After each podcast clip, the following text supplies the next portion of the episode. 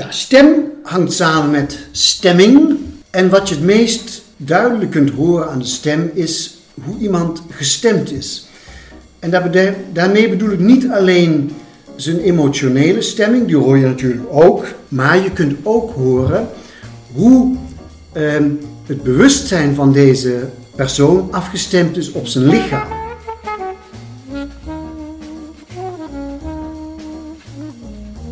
U luistert naar de Therapeut Podcast, een wekelijkse podcast waarin ik, Peter Voortman, openhartige gesprekken voer met therapeuten over hun professie, patiënten en zichzelf. Luister mee naar bijzondere, schrijnende en grappige verhalen uit de behandelkamer.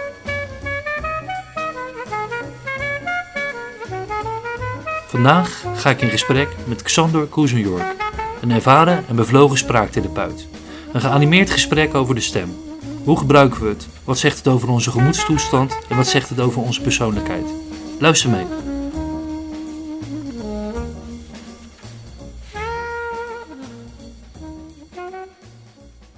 Goedenavond, Xander. Ja, goedenavond. Goedenavond. Um, Peter. Peter, dat ben ik, ja. Ehm, je bent spraaktherapeut. Mhm. Wat zegt de stem over iemand? Ja, stem hangt samen met stemming. Mhm. En wat je het meest duidelijk kunt horen aan de stem is hoe iemand gestemd is. En daarmee bedoel ik niet alleen zijn emotionele stemming, die hoor je natuurlijk ook. Mhm. Als ik zeg uh, tegen iemand, hoe gaat het met jou? En hij zegt, uh, ja, het gaat goed.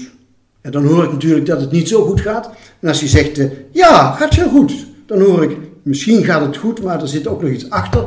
En als hij zegt, ja, goed, dan hoor ik, ja, het schijnt echt goed te gaan. Dus daar kun je de stemming ook in horen. Maar je kunt ook horen hoe ehm, het bewustzijn van deze persoon afgestemd is op zijn lichaam. Dus de stem heeft een bepaalde spanning, daaraan kun je zijn emotionaliteit horen, maar die heeft ook een bepaalde hoogte of diepte. Bijvoorbeeld, als ik vooral heel sterk in mijn hoofd zit en uh, minder goed mijn lichaam beleef, mhm. dan heb ik ook de neiging om meer de stem naar boven te halen. dus iemand die echt heel sterk intellectueel is en uh, een, een, sterk hoofdbewustzijn, maar zijn lichaam die hangt er zo'n beetje aan als, als zo'n zo'n ballon met zo'n zo'n draadje eronder. Nou, dan is de stem waarschijnlijk ook iets meer hoog. Als iemand sterk zich wil beschermen en daardoor een beetje in zijn lichaam als het ware zich verschuilt, ehm, meer bij mannen als bij vrouwen komt dat voor, dan uh, klinkt het misschien zo. Ik, uh, blijf een beetje op de vlakte. Ik hou mijn stem zo'n beetje vast, zodat ik uh, vooral niet laat zien dat ik ook gevoelens heb. Dus ik, ik, druk als het ware mijn stem wat in mijn lichaam naar binnen. Mhm. En daardoor heb ik steun aan mijn lichaam en ja, verschuil me een beetje voor degene die luistert. En natuurlijk heb je ook mensen die sterke stembewegingen hebben, die sterk naar boven en beneden gaan. En dat wil zeggen dat ze ook uh, een sterke bewegelijke ziel hebben. Dat ze uh, nou ja, empathisch zijn, dat ze in de wereld uh, deelnemen. En je hebt natuurlijk andere mensen, ik hoor het soms al meteen aan de telefoon. Dan neem ik de telefoon op, zeg ik, uh, ja, met Xander Koesnjork. ja, u spreekt met Harmsen. Ik heb een recept voor uw therapie. En dan hoor ik eigenlijk al uh, depressieve patiënt. Ja, ja. Ik hoor al aan de telefoon, stem is helemaal vast en onbewegelijk geworden. Wat bijvoorbeeld, hè, ik wil het niet dogmatiseren, maar wat zou kunnen duiden op een depressie. Dus je kunt aan de stem wel heel wat horen. Ja. En als je, als je kijkt naar de, naar de antroposofie, zegt hij ook nog iets aparts daarnaast over de stem? Antroposofie is voor mij een instrument waarmee ik door gedachte en door waarneming uh, mijn therapie vorm kan geven. Door de antroposofie is het mogelijk bijvoorbeeld te onderscheiden tussen uh, het fysieke, dat wat je ziet mm -hmm. en wat je kunt aanpakken, wat je kunt betasten, wat je kunt, uh, zeg maar, wat, wat materieel aanwezig is in de ruimte, en bijvoorbeeld de vitaliteit. Uh, ik kan een begrip als vitaliteit, wat natuurlijk niet alleen in de antroposofie voorkomt, maar ook in de Chinese uh, geneeskunst, daar heet het dan Qi, of in de uh, Ayurvedische geneeskunst, daar heet het dan Prana. Dus dat is niet iets wat wij uh, in die zin zelf hebben uitgevonden. Het is gewoon iets wat in de wereld leeft, wat samenhangt met plantengroei bijvoorbeeld, het verschil tussen een mineraal en een plant, de vitaliteit. Dat is ook iets wat ik in de stem kan horen. Als ik iemand heb die een volle stem heeft en uh, de ruimte goed kan vullen, dan is daar ook een vorm van vitaliteit achter. Als ik iemand heb die zo'n stem heeft en je merkt hij heeft moeite of zij heeft moeite echt in het klingen te komen, de stem is een beetje dof, dan hoor ik daarin ook iets over de vitaliteit van deze persoon. En als iemand dan vertelt dat hij vermoeidheidsklachten heeft en uh, slaapproblemen, dan is dat een consequent beeld en een, een ondersteuning van de diagnose. Um, dan heb je natuurlijk in de antroposofie het bewustzijn, wat nog weer een extra element is naast het fysieke, minerale element en het plantaardige, vitale element. Komt dan het, zeg maar, het bewustzijnselement, wat we gemeenschappelijk hebben met de dieren. En dat uit zich vooral in het emotionele, hebben we net ook al over gesproken. En dat uit zich ook in uh, waar het bewustzijn in het lichaam zich het sterkste heeft uh, beweegt. Dus meer in het hoofd of meer in de borst. We hebben zeg maar drie stemlagen. De hoge stem, de middelste stem en de lage stem. De lage stem kan ook heel vrij zijn, zoals ik het nu spreek. Dan is hij, iemand doordringt zijn lichaam goed en heeft zijn bewustzijn ook tot uh, in zijn benen, maar zit niet vast. Zoals die andere die ik net voorgedaan heb, die het lichaam zo een beetje ingedrukt heeft. Dat is dan een andere kwaliteit. De middelste stemlaag is meer de hartstem, zou je kunnen zeggen. Mm Middelste toonlaag. De hoge stemlaag, dat heeft meer te maken met de waarneming, met de zintuigen, met het, uh, eigenlijk het, het, het hersenen, met het hoofd. Heeft meer een hoofdkwaliteit. Dus die drie lagen in de stem zijn eigenlijk altijd aanwezig. En een goede stem klinkt in die drie gebieden door. En uh, dat ik dat kan onderscheiden, dat ik dus kan onderscheiden bewustzijn. En dan heb je nog de vierde stap in de antroposofie, dat is als het ware de individualiteit, het, het ik mhm. of de ik-organisatie. Ik-organisatie is dat hoe het ik zich uitdrukt in de organisatie van het lichaam. Dat kan ik ook nog aan de stem horen. Um, als iemand bijvoorbeeld sterk spreekt en betoont, dan is, heeft dat een, een ik-kwaliteit. En als iemand zo'n beetje zo'n uh, wat lossere stem heeft en ook een beetje ongearticuleerd spreekt, hmm. bijvoorbeeld onder invloed van alcohol, waardoor je het ik er eigenlijk, of de, de waarneming van het ik wordt daardoor eigenlijk uh, ja, afge, naar beneden weggedrukt of zelfs uh, bij, bijna als je tegen het coma drinken aan het wordt het ik als het ware bijna uit het lichaam weggeband. Nou, dan krijg je deze zeven, dan merk je, is helemaal geen voordeel. Daar is de vorm er helemaal uit. En dat wil zeggen, het, het ik, de persoonlijkheid, is in de stem en in het spreken niet of nauwelijks nog aanwezig. Ja. Welke functie heeft het uh, dat de stemming en de persoon zo goed te horen is uh, door de stem? welke functie dat heeft. Ja, ja voor, daar, voor de, voor, voor, voor, ja. Klaarblijkelijk tonen we dat op die manier. Ja, wij zijn natuurlijk sociale wezens. Dat zou je niet bij iedereen zeggen. maar we zijn van oorsprong sociale wezens en daardoor uh, maken we ons hoorbaar door de stem, natuurlijk ook zichtbaar door de gebaren. Degenen die deze podcast nu horen, kunnen niet zien dat ik mijn handen ook voortdurend gebruik en mijn gezicht ook zich beweegt en mijn mimiek zich verandert. Dus dat zijn ook zeg maar, mogelijkheden om mijn persoonlijkheid te uiten. Maar de stem is een heel belangrijk middel om de persoonlijkheid te laten klinken. En dat heeft een, een hele sterke sociale functie. Als ik met jou spreek zo, uh, ik, we zijn zeg maar op een vriendelijke manier in gesprek, dan hoor je dat aan mijn stem.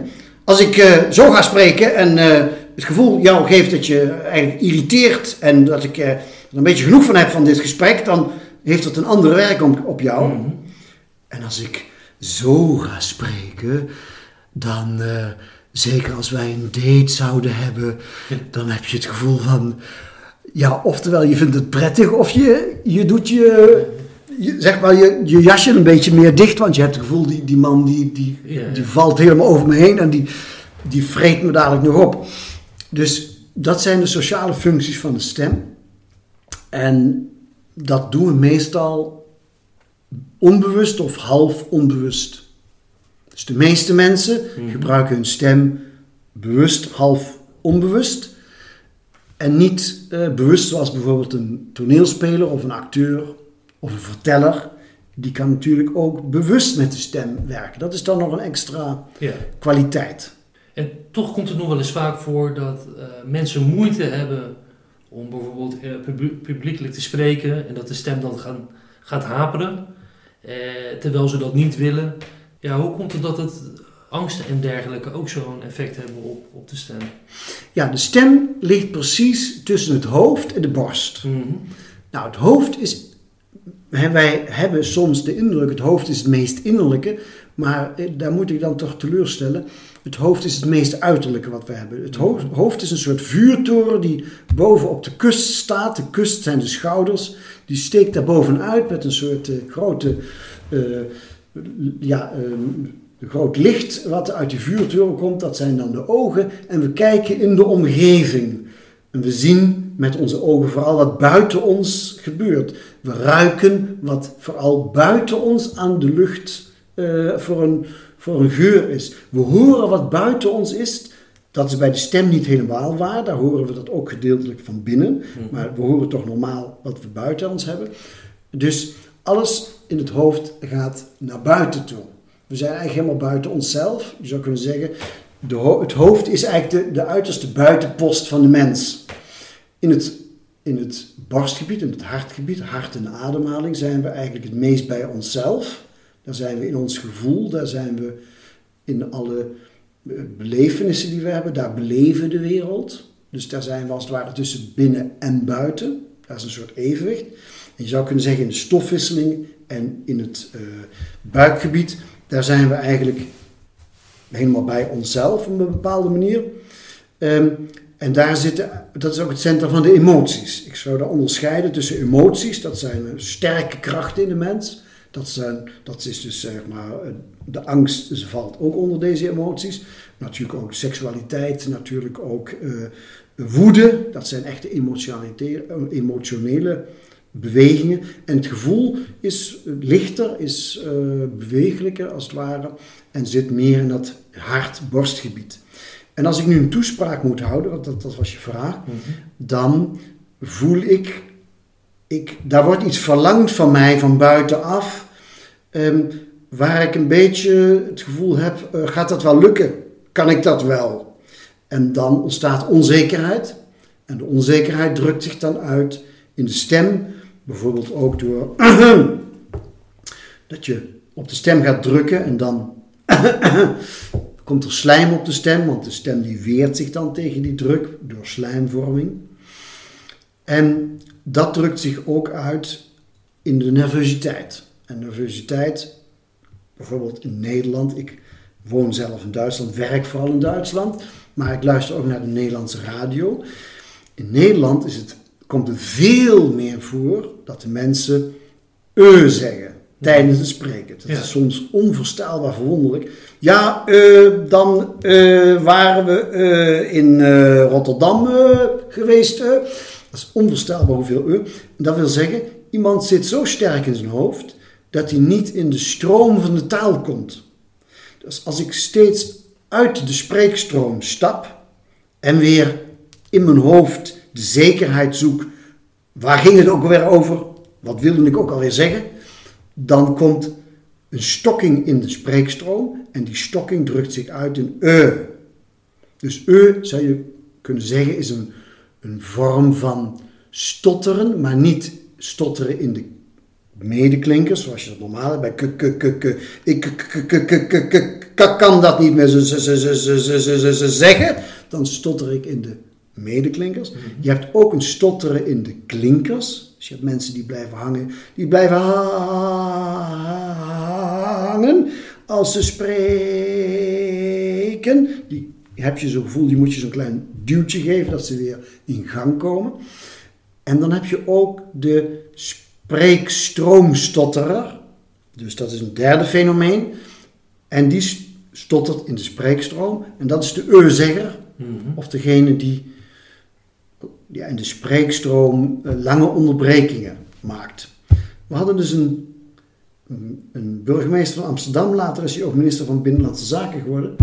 Zijn naam valt mij niet te binnen, maar die had de eigenaardigheid een toespraak als in, een, volgende vorm te, te zeggen. Ja, wij hebben de afgelopen tijd in Amsterdam het volgende fenomeen kunnen waarnemen. Dus die maakte steeds koffiepauzes tussen elke paar woorden. Zeer fascinerend, komt heel weinig voor, dat is een interessant fenomeen. Dus die zijn niet eh, maar die maakt helemaal een pauze. Dat geeft vooralsnog het gevoel bij de luisteraar dat hetgeen wat je zegt gewicht heeft hmm. en dat je heel goed weet waar je het over spreekt. Maar deze goede man kon dat zo overdrijven dat het natuurlijk weer een beetje komiek werkte. Ja, dat zeg maar, dus de stem is ook direct een uitdrukking voor nervositeit. Bijvoorbeeld ook het bibberen van de hmm. stem. Als ik angstig ben, dan gaat ook mijn stem een beetje bibberen. En dat, dus mijn hele gesteldheid drukt zich onmiddellijk, zonder uh, dat er iets tussen zit, uit in de stem. Kan je mensen daarbij helpen? Ja, dat is natuurlijk mijn vakgebied, dat ik mensen daarbij help. Um, nou heb ik een bijzondere verbinding met de stem daardoor dat ik een vader had die, zoals we in de antroposofie zeggen, een vurig karakter had, cholerisch was. Veel mensen kennen het begrip niet meer, maar cholerisch is iemand die zo flink aanpakken. Rotterdammers hebben een beetje zo'n cholerische, zo'n lekkere cholerische Rotterdammer, die zo flink er tegenaan kan. Die drukt ook zo'n beetje op zijn stem. Dat deed mijn vader ook. Duidelijk, die drukte ook duidelijk op die stem. En die had ook dat, dat had hij heel sterk. heb ik als kind allemaal braaf nagedaan natuurlijk. Dus ik heb er heel lang voor nodig gehad om die stem goed vrij te krijgen. Omdat ik ook een beetje de neiging had zo dat, dat forse op die stem drukken. En dat moest ik uh, toch vergaand afleren om in dit vak te kunnen werken. Dus daar heb ik veel aan, veel aan gedaan. Daardoor heb ik natuurlijk een intiemere verhouding tot die stem, want ik moest daar ja, heel veel aan werken. Nou ja, we hebben natuurlijk, ik werk met verschillende fenomenen. Adem, stem, articulatie. Uh, en natuurlijk ook met de, met de spreekvaardigheid. Dat is natuurlijk ook een belangrijk stuk van het vak. Hoe vertel ik iets? Hoe bouw ik een, een toespraak op? Dat hoort er allemaal bij. En op al die gebieden ehm, moet ik dan kijken waar hapert het. Bijvoorbeeld op het gebied van de stem. Daar zal ik ook altijd met de adem werken. Want de adem is het ware de stroom waarop de stem zich beweegt. Dus de stem is een stuworgaan. De stem stuwt de adem die van onder naar boven gaat en van binnen naar buiten. Dat is de bewegingsrichting van de adem. Van onder naar boven. De uitademing bedoel ik natuurlijk. De uitademing gaat van binnen naar buiten, van onder naar boven. En brengt de stem in beweging daardoor dat de stem, de stembanden, liggen in de uitademingsstroom. En in zekere zin zou je kunnen zeggen, storen de uitademing. Het is eigenlijk als een soort fluitenkop of een soort klarinet waar je zo'n zo'n zo'n lipje hebt, zo'n zo'n tongetje, en dat, dat beweegt zich in de ademstroom. En dat doen die stembanden ook. Het zijn er al twee, die van buitenaf zich kunnen sluiten naar binnen toe en van binnen naar buiten zich kunnen openen. En als de stem zich opent, dan kan ik spreken. Als die zich helemaal sluit, dan, ik zal het even doen, misschien kun je het ook horen. Ik zal het zo doen dat misschien de luisteraar het ook kan horen. Dus ik ga nu, nu dadelijk mijn stem zo stuwen dat ik nu heb ik het al gedaan. Ik heb dus mijn strotto heb ik helemaal dicht gemaakt. Wat bijvoorbeeld gebeurt bij grote angst. Als ik heel erg schrik. Dit hier.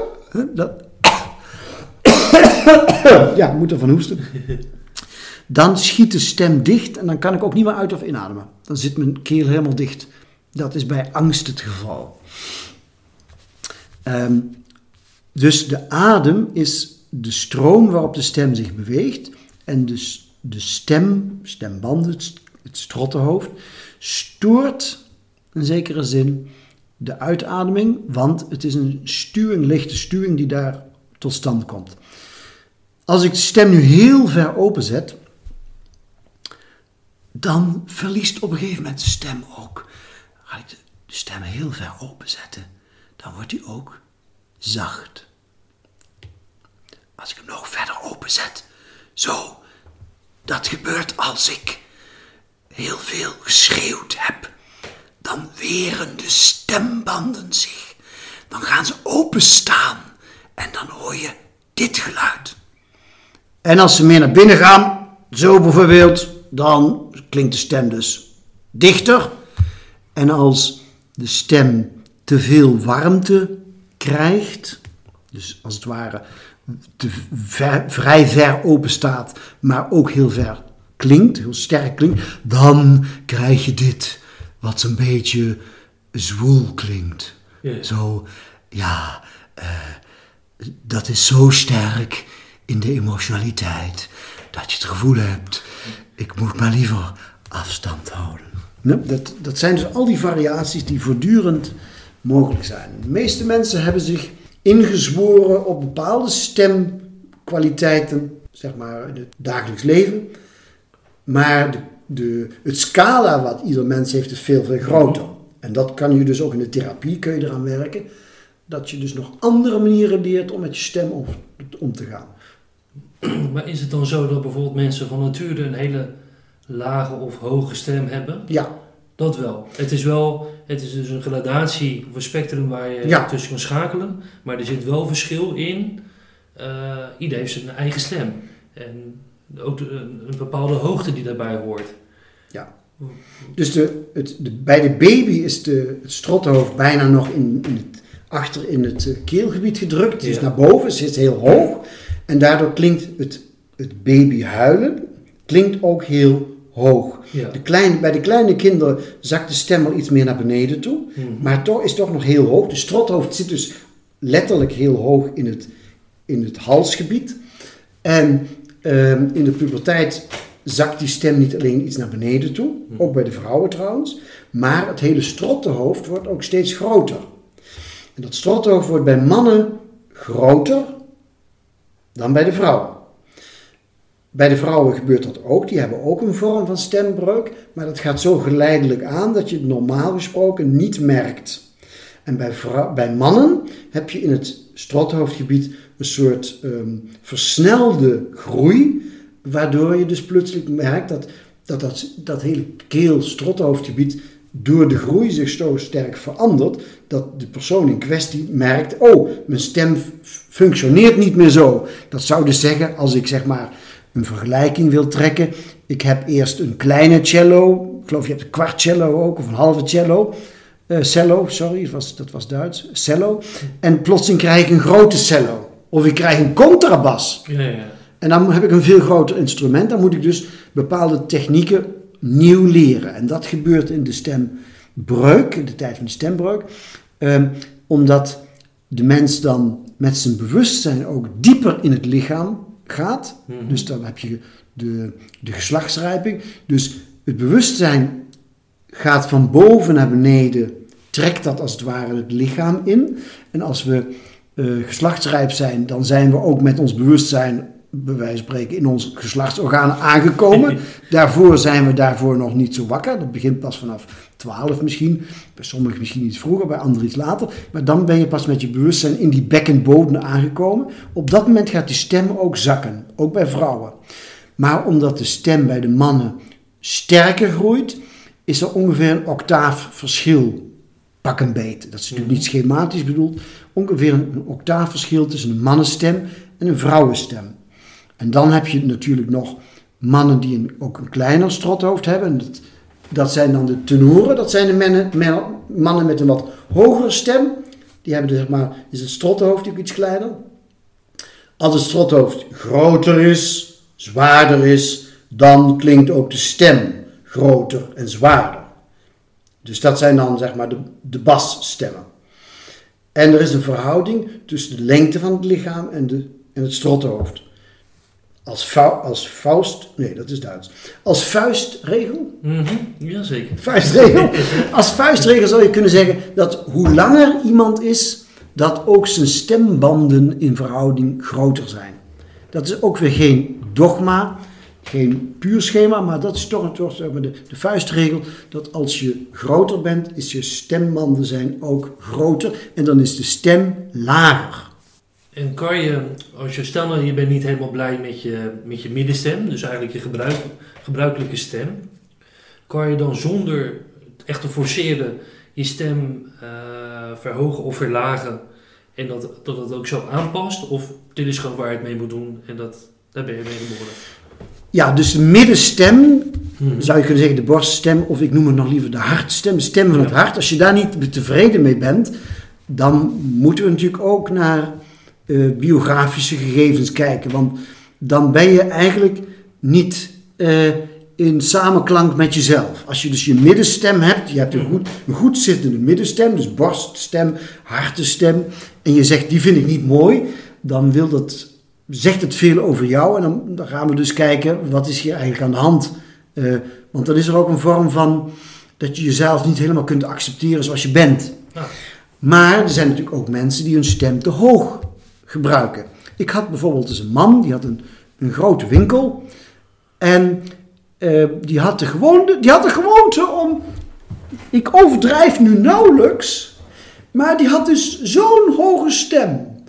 En als hij dus in zijn, zijn winkel werkte en de telefoon opnam, en dan, ik zeg maar even, hij heet Jansen, firma Jansen, dan zei hij, ja, hallo, goedemorgen met firma Jansen. Dan zeiden de mensen aan de andere kant van de telefoon, mag ik je moeder of je vader even spreken?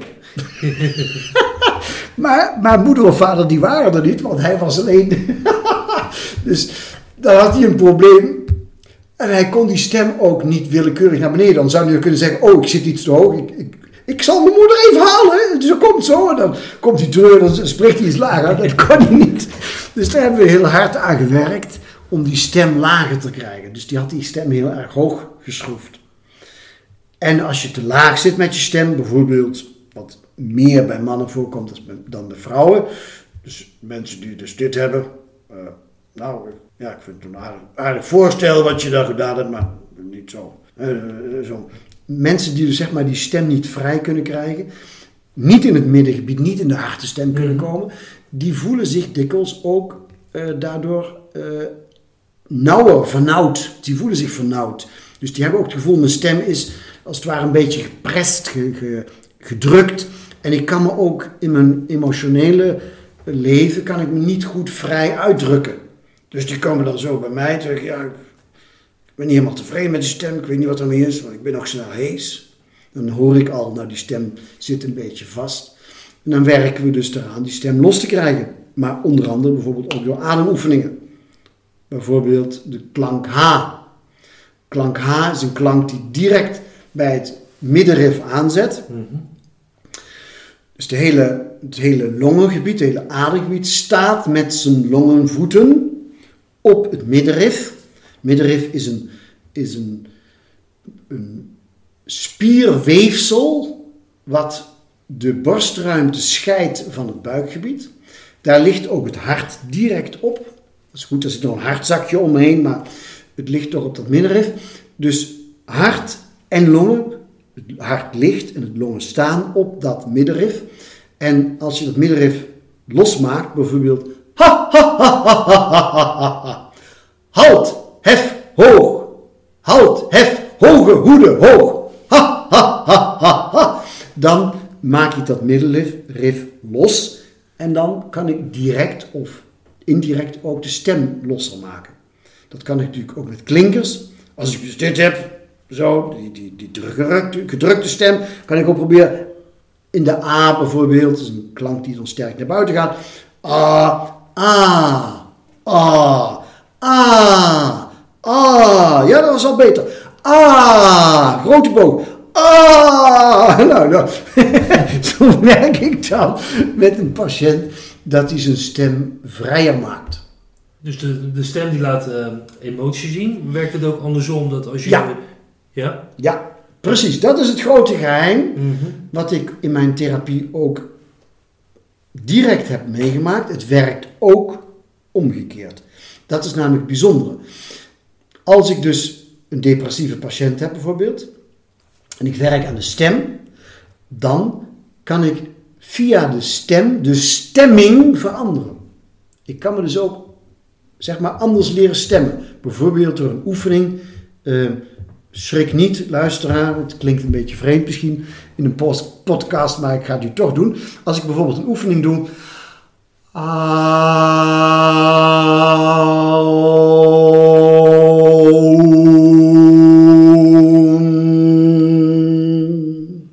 Daar zit ook een beweging bij. En ik sta dan ook daarbij. Dat kun je nu niet zien. Maar dat is zo. En dan heeft dat een directe terugwerking op mijn stemming. Dus de stem is niet alleen uitdrukking voor mijn stemming, maar door de stem kan ik ook de stemming veranderen. En zo kan ik ook bijvoorbeeld bij mensen die ertoe neigen steeds heel woedend te worden, via de stem proberen mijn woede weer af te koelen. Door bijvoorbeeld meer van boven naar beneden te spreken. Dus ik ben iemand die zich heel snel opwindt. En ik zit bijvoorbeeld in een sociaal beroep. Ik zeg maar even, ik ben arts. En ik krijg dan patiënten. En dan denk ik, potverdorie. God, hoe, lang- hoe, hoe lang gaat dat nou duren? En ja, zeg je, de, drie weken geleden heeft hij datzelfde verhaal al gewerkt. Ge- Dan kan ik dus door mijn eigen stem te zeggen. Ja, meneer Jansen, u hebt dat twee weken geleden mij ook al verteld. En ik heb daar nog over nagedacht. En ik denk dat het goed zou zijn als u, om meer aan de frisse lucht te komen, elke dag ook eens een half uur zou moeten gaan wandelen. En vooral ook misschien zon in het park, dat u ook aangename indrukken op kunt doen. En nou, door dat verhaal te vertellen en die stem steeds meer van boven naar beneden, koel ik ook mijn eigen woede en wat af. Dus de stem werkt terug op de stemming. Ik, eh, ik heb wel eens gehoord dat er eh, kinderen zijn waar de ouders van scheiden en dat die kinderen dan spontaan beginnen te stotteren. Ja, ja, Dat komt volgens mij wel vaker voor. ja. Wat, wat, wat, wat gebeurt daar? Ja, dan hebben we weer de antroposofie nodig als, als instrument om te zien. Want als je alleen naar een fysiek lichaam kijkt en naar chemische processen in het lichaam, dan ben je zo beperkt in je blikveld dat daardoor een heleboel wegvalt van wat de mens nog meer te bieden heeft. Dus dan, je hebt te maken met een gewoonheid. Gewoonheid, ik zeg het nu even kort de bocht, want we hebben hier geen, geen voordracht nu over levenskracht. Dus de gewoonheid hangt samen met de levenskrachten, vitaliteit, Chinees Qi, Indisch Prana. Dat, zeg maar, dat is het gebied waar ik in, mijn gewoonheid in opgebouwd heb sinds ik een klein kind was. Nu ehm, heb ik twee ouders, zeg maar. Ik groei op met twee ouders. In mijn gewoontelichaam, in mijn gewoontegevoel, zijn die twee ouders er. Nou, de ene is af en toe weg en de andere is af en toe weg, maar ze zijn er in principe. Nu gaan die scheiden. De ene verlaat het huis, gaat ergens anders wonen. Die ga ik nou alleen maar één keer in de 14 dagen bezoeken. Dat, dat is een enorme verandering in mijn gewoonheidsbeleving en in mijn gewoonheids, mijn, mijn gewone doen. Dus op dat niveau eh, werkt het zeg maar ontvitaliserend. Je kunt dingen doen die de vitaliteit versterken. Bijvoorbeeld elke dag een half uur gaan wandelen. Dat versterkt, versterkt de vitaliteit. Elke dag sport doen. Dat versterkt de vitaliteit. Elke dag een ademoefening doen. Elke dag mediteren. Dat zijn allemaal dingen die eh, de vitaliteit opbouwen en versterken. Maar als ik eh, pijnlijke dingen ga veranderen, die ik zeg maar, ik verlies iemand die sterft, dan is er plotseling een soort gat in mijn gewoonte. Dan is er iets zo sterk veranderd dat ik daardoor in mijn vitale, vitale eh, zeg maar, niveau, op het vi- vitale niveau, word ik, heb ik een kleine aardbeving. Dat heeft het gevolg dat ik ehm, minder krachtig ben in mijn gevoel te zijn. Dus je zou het kunnen zeggen, het, het beschadigt mijn emotionele immuniteit. We hebben niet alleen een lichamelijke immuniteit, dat is een normaal begrip. We hebben ook een emotionele of een, een zielen- of psychische immuniteit. En die wordt daardoor aangegrepen. Dat is de ene kant. De andere kant is dat ik moet leren met het feit, vader en moeder die uh, hielden van elkaar en nu hebben ze voortdurend strijd. En daar, daar moet ik ook iets mee. Dus dat is ook een, dat, dat vraagt voortdurend van mij, uh, hoe ga ik daar in het dagelijks leven mee om? Vind ik dat uh, afschuwelijk? Ga ik me terugtrekken? ga ik me erin mengen? Als ik bijvoorbeeld 14 jaar oud ben, ga ik me erin mengen? Dus er zijn een heleboel dingen die veranderen. Nu is het zo dat als wij spreken, komen er altijd twee stromen bij elkaar. De ene stroom drukt zich direct uit in de uitademing, maar hangt samen met mijn stofwisseling. Want wat ik uitadem, kooldioxide, is zeg maar een soort een, een uitwaseming van mijn stofwisselingsgebied. Maar die stofwisseling, dat is niet alleen maar een soort chemische fabriek, dat is ook een gebied waar ik emotioneel in zit. Dat weten we ook. Want ik kan, als ik heel grote angst heb, dan krijg ik ineens uh, diarree. Dan ploep, ploep, ploep, ploep, alles komt eruit. Als ik een hele grote uh, druk heb, kan het zijn dat ik überhaupt niet meer op het toilet kan. Uh, daar komt niks meer uit, want alles zit vast. Dus ja, om maar even een zijstraat te noemen. Er zijn nog tien andere voorbeelden te noemen. Dus die stofwisseling, dat is, dat is iets waar ik in zit met mijn emotionaliteit. Dus de uitademing, die direct door de stem hoorbaar wordt gemaakt, heeft te maken met dat hele stofwisselings-emotionele gebied. Dat ontmoet van de andere kant, en dat heeft nu te maken met die vuurtoer, met dat hoofd van mij, ontmoet hij, wat wil ik uitdrukken met hetgeen ik wil zeggen. Dus de zinnen, de grammatica, maar ook de articulatie. Die hangt samen met het hoofdgebied. Die twee, twee ontmoeten zich in het midden. Dus je hebt één stroom, stofwisselings-klankstroom, die door het strothoofd hoorbaar wordt gemaakt. En je hebt een articulatie, zingevingsstroom, die wil uitdrukken wat ik inhoudelijk wil zeggen. Die twee stromen die vinden elkaar voortdurend in elke lettergreep. Dus elke lettergreep is de versmelting van een gebied wat van onder komt door de uitademing en wat van boven komt door de articulatie. En die versmelten zich in een lettergreep. En die klinken in de klinker. De klinker is eigenlijk het element waardoor zeg maar, de stem vooral hoorbaar wordt. Dus die twee stromen moeten zich voortdurend synthetiseren. En als ik innerlijk, als het ware, een soort aardbeving doormaak. We gaan er toch maar vanuit dat de meeste scheidingen geen lolletje zijn. Dat het niet zo gemakkelijk is je van een partner te, te, te scheiden waarmee je lange tijd een, een, stuk leven gedeeld hebt, ook samen met kinderen. Meestal is dat een dramatisch gebeuren.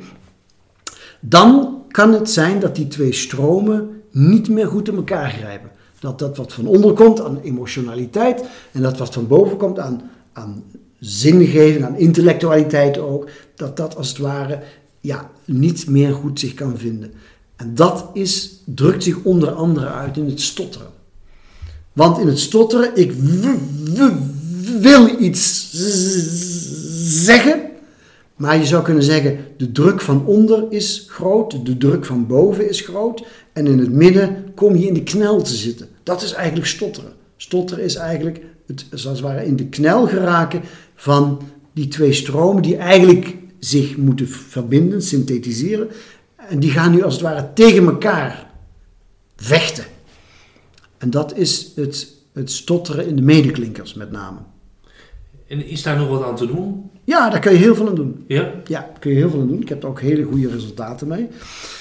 Het eenvoudigste is, en het eerste is, dat, en dat zie je bij elke file, een file is ook een stuwing. Mhm. Een file op de autobaan is ook een stotteren op de autobaan. Mhm. En wat doen we dan als wij goede autorijders zijn en, en eh, dan gaan we ritsen. We gaan dus de stroom verlangzamen en we ritsen die twee stromen, dat wat van onder komt, met de stem samenhangt, dat wat van boven komt, wat met de articulatie samenhangt, dat wordt als het ware geritst. Dus ik ga langzaam spreken. Dat is de allereerste eh, opgave. Dan zijn er nog andere technieken. Weet niet of we daar, nu zo'n uitstapje willen maken. We kunnen dat natuurlijk nog enorm verdiepen, dat uh, het vraagstuk van het stotten. Maar bijvoorbeeld met de ademhaling kun je dan nog werken. Ik heb een hele, hele sterke stotteraar. heb ik meer, als meer periodes in therapie gehad. En eh, daaruit is een vriendschap ontstaan. We zijn intussen goede vrienden. Dus we zien elkaar ook af en toe. En hij is nog steeds een stotteraar, maar niemand merkt het meer. Ah. Behalve ik. Ja, ja, ja. Want hij vertelt dan bijvoorbeeld, zeg maar, hij is in Rome geweest. En dan zegt hij, ja, de Rome is een he- hele mooie stad. En ehm, we hebben ook verschillende dingen bez- bezocht. En ik merk, ik merk dat nog, maar hij doet dat zo geschikt. Hij kan dus met de adem, hij ademt dan één keer rustig door. En dan heb je de indruk, hij denkt na. Ja. Maar hij overwint op dat moment zijn, ja, zijn, zijn krampachtigheid. Het Mhm. zijn een soort spasmen, zou je kunnen zeggen. Stotteren is eigenlijk een vorm van, van articulatie, sp- spasmen in de articulatie. Dus hij overwint deze spasmen, deze verkrampingen. En spreekt dan heel langzaam verder. En je hebt de indruk, hij weet precies wat hij wil zeggen. Hij denkt na over de dingen. En een normale luisteraar, die hoort dat niet. Want die, die, die naad die daar ontstaat, die hoor je als normale luisteraar niet. Maar ik hoor hem, want ik ken hem heel goed Ja, ja. en ik heb hem dat bijgebracht hoe hij dat moet doen. Kijk, eh, zoiets ontstaat door een. ehm, het komt over. Het, het is een bepaald trauma wat, wat je oploopt. Of zie ik dat verkeerd?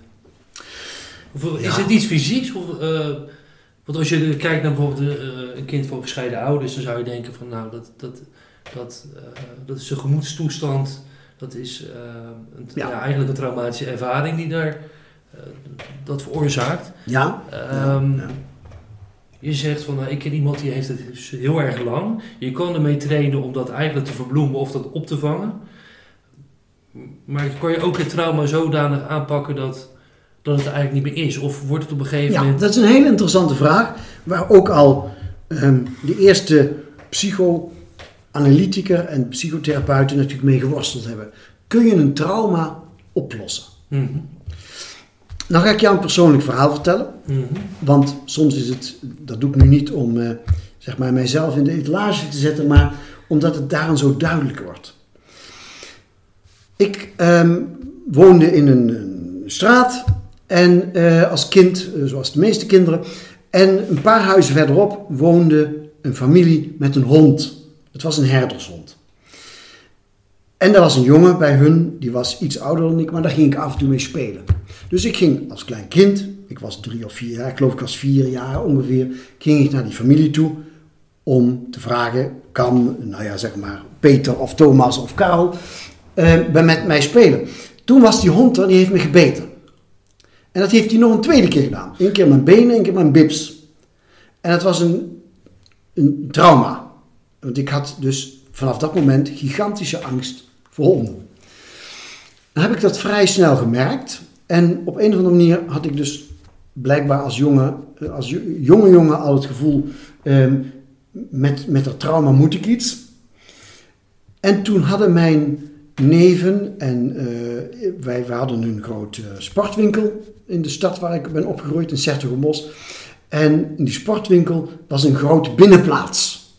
Nu hadden mijn neven een hele klein puppy gekregen. Echt zo'n primo klein hondje. En als ik dat hondje zag, vond ik dat schattig. Maar als het te dichtbij kwam, had ik gigantische angst. Dan was die, dat trauma precies zo groot als voor die herdershond. Dat was geen enkel verschil. Ik voelde me het bloed door mijn aderen suizen. Ik kreeg hartkloppingen. Zweet eh, liep naar me langs mijn rug. Ik had echt gewoon onvoorstelbaar grote angst. Goed, hoe heb ik het opgelost? Ik ben toen heel lang... Ik ben eerst voor het raam gaan staan en heb het hondje op de binnenplaats was het aan het spelen. Toen heb ik heel klein beetje de deur opengezet en het hondje kwam af en toe snuffelen. Dan heb ik de deur weer dicht gedaan en soms liet ik het dan open. Uiteindelijk ben ik een stapje naar buiten gegaan. Uiteindelijk stond ik midden op die plaats op die, en dat hondje was om me heen. En ik heb elke keer geoefend die angst weer terug te brengen en me tot rust te manen. Dat ging ook. Dat heb ik een paar keer gedaan met dat kleine hondje en toen werd het steeds beter. Toen heb ik eh, vrienden die honden hadden, ben ik die gaan uitlaten als zij op vakantie waren. Dus ik heb dat trauma steeds meer en steeds kleiner gemaakt. Dus je zou kunnen zeggen, mijn verhouding tot honden is, heeft zich vergaand genormaliseerd. Maar als ik aan een, aan een tuin voorbij loop met bijvoorbeeld een, eh, een- zo'n latte, hoe kom ik op een Nederlands woord? Schutting. Een schutting. En ik loop daar niets denkend langs die schutting. En de andere kant begint een hond mij zeg maar, te blaffen. Dus zeg maar een halve meter van me vandaan aan de andere kant van de schutting. Dan heb ik, de, heb ik precies nog zo'n grote angst als de eerste keer toen ik door die hond gebeten werd. Dus dan komt dat hele trauma zo als een soort monster naar boven. En dan kan ik dat in een seconde tijd, als het zo snel gaat, weer in elkaar pakken. En dan breng ik het weer tot rust. En dan kan ik weer verder lopen en dan is het weer weg. En ik loop, heel, ik loop graag, ik ben een hardloper. En als ik s'morgens ga hardlopen, ga ik bijna altijd s'morgens hardlopen. En ik loop altijd op, langs bosgebieden. Kom ik allemaal mensen tegen met honden. En die hebben altijd één grote uitspraak. Hij doet niks. En hoewel ik dus met dat trauma al heel veel gedaan heb en daar al vrij goed mee kan omgaan, is het zo dat ik een hele, toch altijd goed kijk naar die hond en ik heb een hele strategie, dat ga ik nu niet uitvoeren, strategie ontwikkeld hoe ik daarmee zo kan omgaan dat ik volledig rustig blijf. Afgelopen week, toevallig afgelopen week, was er een hond, die liep ook vrij. Was eigenlijk een hele goede, dikke, grote lobbes. En ik liep dus daar voorbij. Ik ging ook langzamer lopen. Hij ging toch op me af en wilde tegen me aanspringen. Toen had ik ook weer een seconde lang... Dat hele trauma was weer zoals nooit van tevoren, alsof ik er nooit iets aan gedaan had. En kon ik het weer met elkaar pakken. Dus een trauma, daar kun je een verhouding toe krijgen. En je kunt een trauma zo in verhouding daartoe ontwikkelen dat je daarmee heel goed kunt omgaan. Maar wegkrijgen is voor mij hetzelfde als je dat je zou zeggen: kan ik een stuk uit mijn biografie weg, weggummen? Ik had zo'n vervelende tante. Ik neem een grote gum, die gum ik nou weg. Die tante die bestaat niet meer, die is weg uit mijn biografie. Dat gaat niet. Het hoort bij jou. Een trauma is een gedeelte van jouw leergang of van jouw ervaring op aarde. Dat is een deel van jou. Die hoeft ook niet weg, maar je kunt er wel zo aan werken dat je daar een verhouding toe krijgt. Dit was natuurlijk een klein traumaatje. Kijk, als ik eh, eh, geweld bleef thuis en nog, vers- nog verschrikkelijkere dingen. Ik heb eh, echt patiënten gehad met, met verhalen, daar zijn mijn oren van mijn, van mijn kop gevallen. Dan is natuurlijk dat een hele, een hele harde weg. Maar je kunt er een verhouding toe. Ja. Het kan ook zijn dat je eh, bij het spreken, bij bijvoorbeeld publiekelijk spreken, dat je, een, dat je angstig bent en dus dat, dat, dat het spreken niet goed gaat. Maar die ervaring kan ook op zichzelf eh, lastig worden. Dus dat je bang wordt om te spreken, omdat het spreken niet goed gaat. Ja. Kom- Nou komen we dus op het gebied van de... Hè, we hebben dus uitvoerig naar die stem gekeken. Ja. De adem hebben we eigenlijk nog nauwelijks naar gekeken. Ehm, nu komen we op het gebied van de spreekvaardigheid. Ja, Spreekvaardigheid is een vaardigheid zoals een violist die een concert gaat spelen. Zoals een organist die een concert gaat spelen. Zoals een zanger die een avond moet zingen. We hebben dus, we kunnen spreken, maar het is geen natuurlijke, ehm, het, is, geen natuurlijke aangelegenheid in de zin van, ik neem, noem maar een paar zijstraten. Normaal gesproken kan ieder gewoon plassen. Normaal gesproken kan iedereen op de toilet zitten en ordelijk met druk wat produceren. Normaal gesproken kan ik nog goed ademen. Er zijn allerlei klachten waardoor je niet meer goed kunt ademen. Normaal gesproken kan ik ademen. Dat zijn natuurlijke vaardigheden van de mens. Spreken is geen natuurlijke vaardigheid. Spreken leer je ten eerste alleen onder mensen. En spreken leer je met je lijf als instrument steeds beter kunnen. Bijvoorbeeld, ehm, als ik niet opgroei bij mensen, daar zijn hele goede voorbeelden van. Kinderen die zijn opgegroeid bij wolven, bij beren, bij schapen. Daar hebben we literatuur over. Die leren dus zowel niet rechtop gaan, als ook eh, rechtop lopen bedoel ik, als ook die leren niet spreken. Die leren dus brullen als beren, die leren nee als schapen, als honden enzovoorts, of als wolven.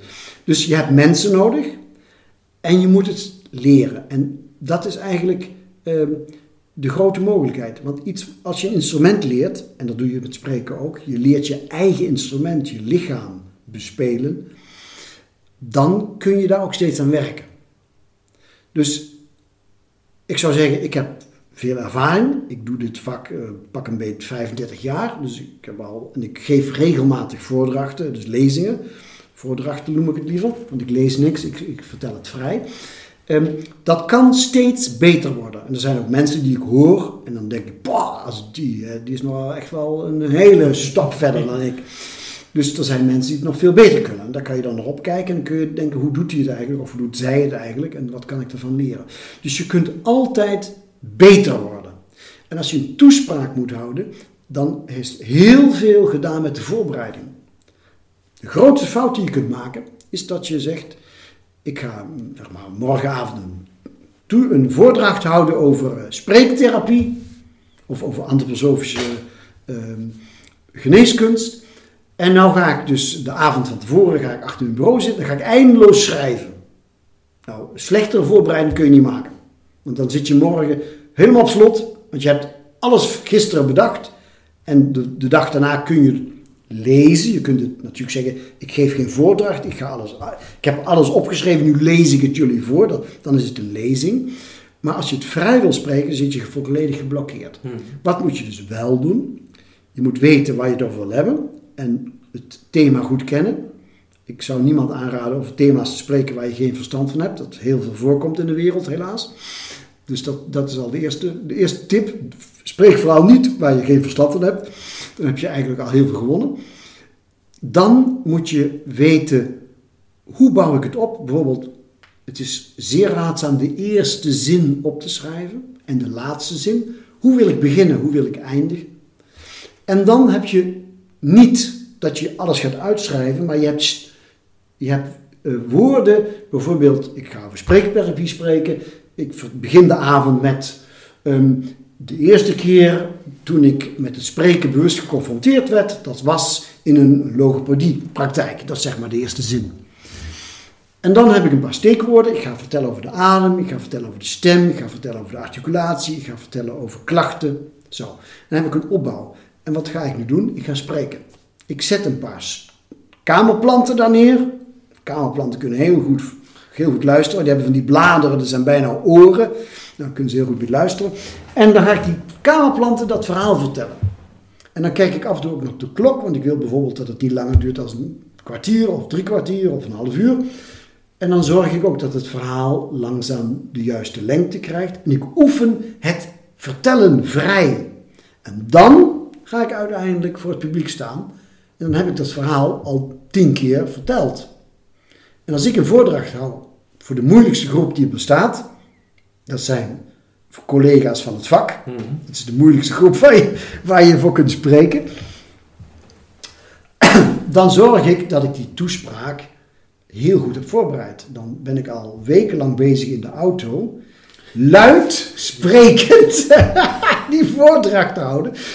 En dan zeg ik bijvoorbeeld eh, drie dagen van tevoren tegen mijn vrouw: eh, Weet je wat, ga eens even daar zitten ik wil graag jou eh, dat verhaal vertellen. Heb je even tijd? En dan vertel ik dat verhaal. En dan zegt zij, nou, dat, dat zou ik nog wat veranderen. En dan uh, ga ik dat voor die collega's houden. Een moeilijke groep kan je eigenlijk niet hebben. Mhm. Als je dat kunt, kun je alle andere dingen ook. Want er zijn dus eigenlijk maar weinig mensen die gewoon van nature zo op het podium kunnen gaan staan. En consistent en goed, interessant verhaal van voor naar achteren te kunnen vertellen. Wat ze niet hebben voorbereid. Je hebt altijd natuurtalenten mhm. en je hebt altijd mensen met hele grote begaving. Mhm. Maar het blijft toch zo, als ik een kind van zes, of mijn part een volwassene van 18, een viool in zijn hand geven en zeg: ga er maar mee spelen, dan zal hij dat toch langzaam moeten opbouwen. Ja, ja. En zo is het met spreken ook. Natuurlijk is het spreken iets wat we ook dagelijks oefenen. Dus dat is makkelijker als met een viool. Dan moet ik speciaal dat ding uitpakken en gaan oefenen. Ik oefen dagelijks. Maar het spreken moet je toch ook oefenen. En er zijn natuurlijk hele grote talenten. Dat is de vraag, wat is talent eigenlijk? Hoe kom je aan een talent? Dat is ook een heel, een heel interessant vraagstuk. Maar je moet het toch oefenen. Ik heb duizenden uren gediscussieerd tussen de leeftijd van 10 en 18 jaar. Ik was de gelukkige die tussen 1970 en 1978. In 1970 was ik 10 jaar en 1978 was ik 18 jaar. Nou, je kon op aarde volgens mij geen betere tijd te pakken krijgen om te leren discussiëren als die tijd. Ik heb nooit meer zo'n tijd meegemaakt. Misschien hadden de Grieken in hun tijd met de filosofen hadden ze, hebben ze ook een, een sterke discussieer- en, en filosofeertijd gehad. Misschien was dat een, een tijd waar dat ook nog leefde, maar het was echt subliem. Dus ik heb duizenden uren gediscussieerd en daar heb ik echt onvoorstelbaar veel geleerd. dat kan ik iedereen aanraden. nog, nog wel even over. Uh, je zei net van in Nederland hoor ik veel meer dat ze praten met uh, dan in Duitsland. Zitten we dan in Nederland meer in ons hoofd dan, ja. dan Duitsers? Ja. ja echt? Dat, echt? Zo simpel is het? Zo simpel is het. Natuurlijk is niets simpel. Mm -hmm. je, je, als je het simpel zegt, dan laat je een heleboel weg. En dat doe ik natuurlijk nu ja. ook. Um, ik heb in mijn leven uh, zeer veel mensen leren kennen. En het verschil tussen de individuele mensen, tussen jou, Peter, weet je wat je achternaam? Fortman. Fortman, Peter Fortman. Mm -hmm. En zeggen we maar even uh, Inga Jork Koesen, die mijn vrouw is. Uh, de verschillen tussen individuele mensen zijn voor mij 10 tot 100 keer groter als de verschillen tussen, tussen een Nederlander en een Duitser en zelfs een Duitser en een Chinees. Mm -hmm. Ik heb ook wel met Chinezen gewerkt. Uh, die hebben natuurlijk een hele andere mentaliteit en uh, die spreken dan bijvoorbeeld uh, Engels of ook Duits. Ik had laatst een, een Japanse vrouw met wie ik gewerkt heb, die sprak natuurlijk goed Duits. Maar die verschillen tussen de verschillende nationaliteiten en het verschil tussen de verschillende mensen, daar is het verschil tussen een Nederlander en een Duitser is een, een klein verschil. Maar een Duitser, hè, dan zijn er 85 of 83 miljoen, dus um, dit is, laat ik nu natuurlijk heel veel weg. Dus ik maak het even heel simpel. Is op, zeg maar, meestal emotioneler als een Hollander. De Hollander stopt zijn emotionaliteit veel meer weg. Is oppervlakkig, spontaan en luchtig en open. Maar uh, de emotionaliteit blijft veel meer onder de oppervlakte. Een Duitser is, is van nature sterker emotioneel en laat zijn, emotioneel, laat zijn emotionele kant sneller zien. Bijvoorbeeld Vlamingen, Mm -hmm. waarvan je zou kunnen zeggen die zijn ons nog verwanter. Ik heb ook heel veel in Vlaanderen ge gewerkt en ook buitengewoon graag in Vlaanderen gewerkt. Vooral in Antwerpen en in Gent heb ik uh, veel gedaan.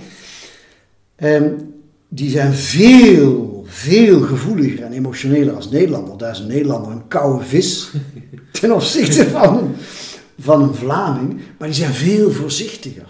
Veel voorzichtiger. Maar als ze dan naar buiten komen, zijn ze ook veel krachtiger in hun emo emoties. En dan komt niet met die tante Jet uit Antwerpen, die is niet zo emotioneel als die tante Carla uit, uit Zutphen. Want die individuele verschillen, heb ik al gezegd, zijn dikwijls veel, veel groter. Maar als mentaliteit zijn Nederlanders veel intellectueler, veel verstandelijker dan bijvoorbeeld Vlamingen of de Duitsers. Waarbij de Zuid-Nederlander ook alweer veel gevoelsmatiger is als bijvoorbeeld de West-Nederlander. Ja. Waarbij de Rotterdammer, de Rotterdammer, ik bedoel, het is één grote smeltkroes ja. van, van nationaliteiten en van, van mensen. Maar de Rotterdammer zo'n beetje voor de vuist weg is uh, krachtiger en, en veel directer bijvoorbeeld als zeg maar een Bossenaar. Bossenaar is veel gemoedelijker. Ik ben dus oorspronkelijk van Den Bosch.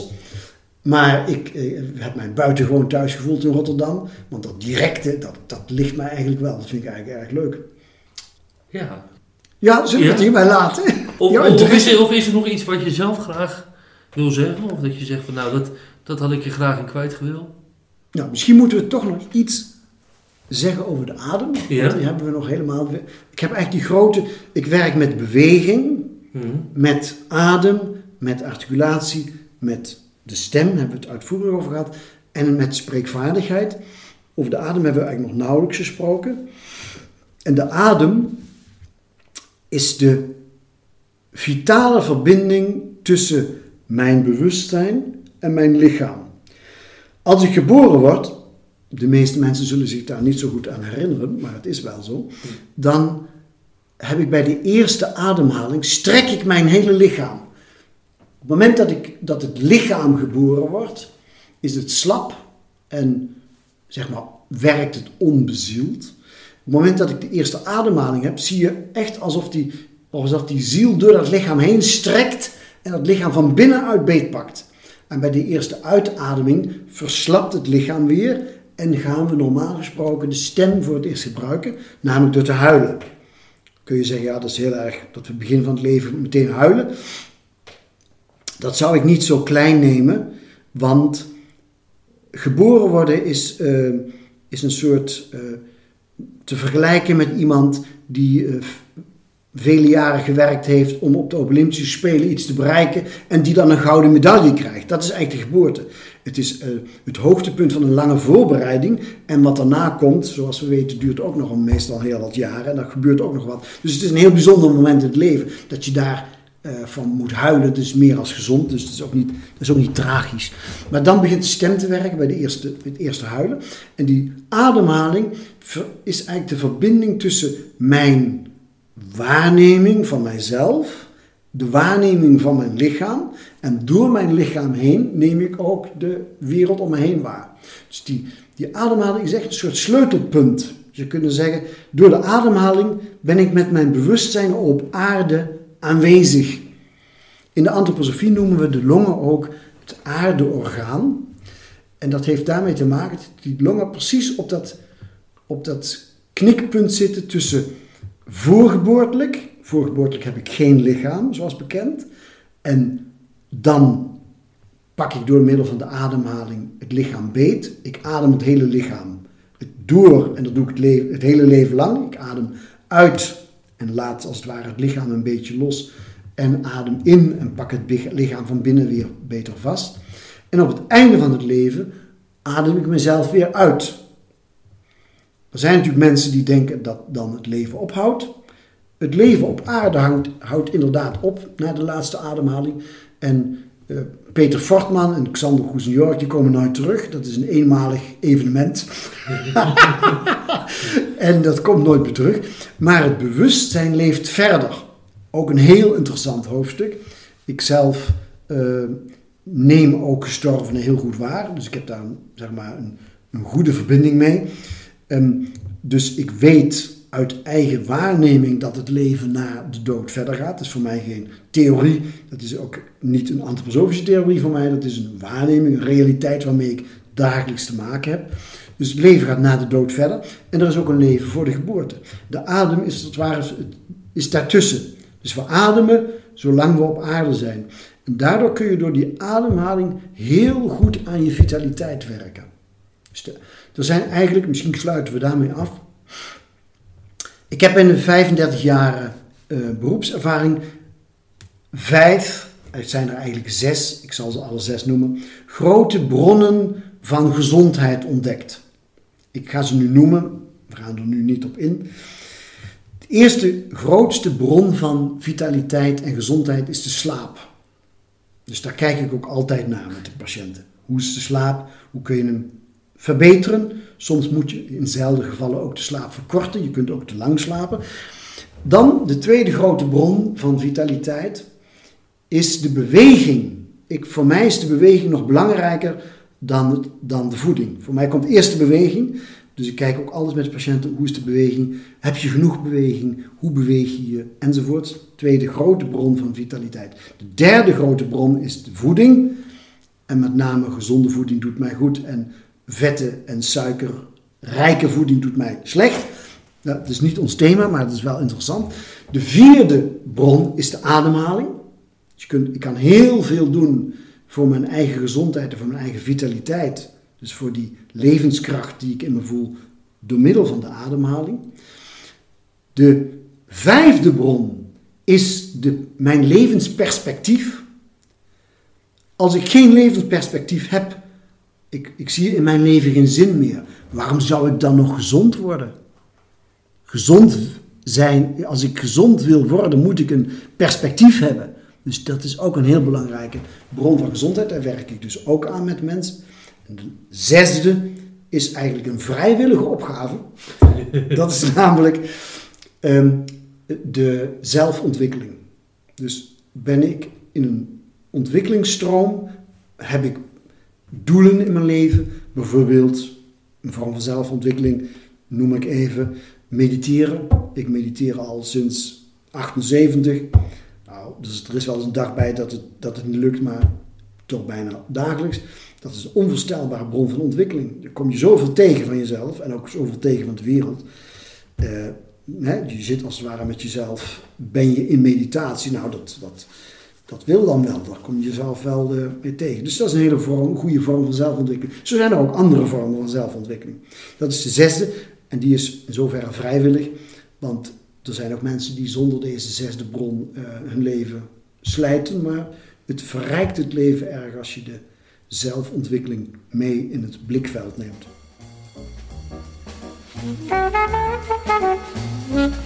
U luisterde naar de Therapeut podcast. Abonneer u via uw favoriete podcast app en krijgt elke week automatisch een nieuwe aflevering. We horen graag uw mening. Vragen, opmerkingen of suggesties kunt u sturen naar info.detherapeutpodcast.nl of laat een review achter via uw podcast app.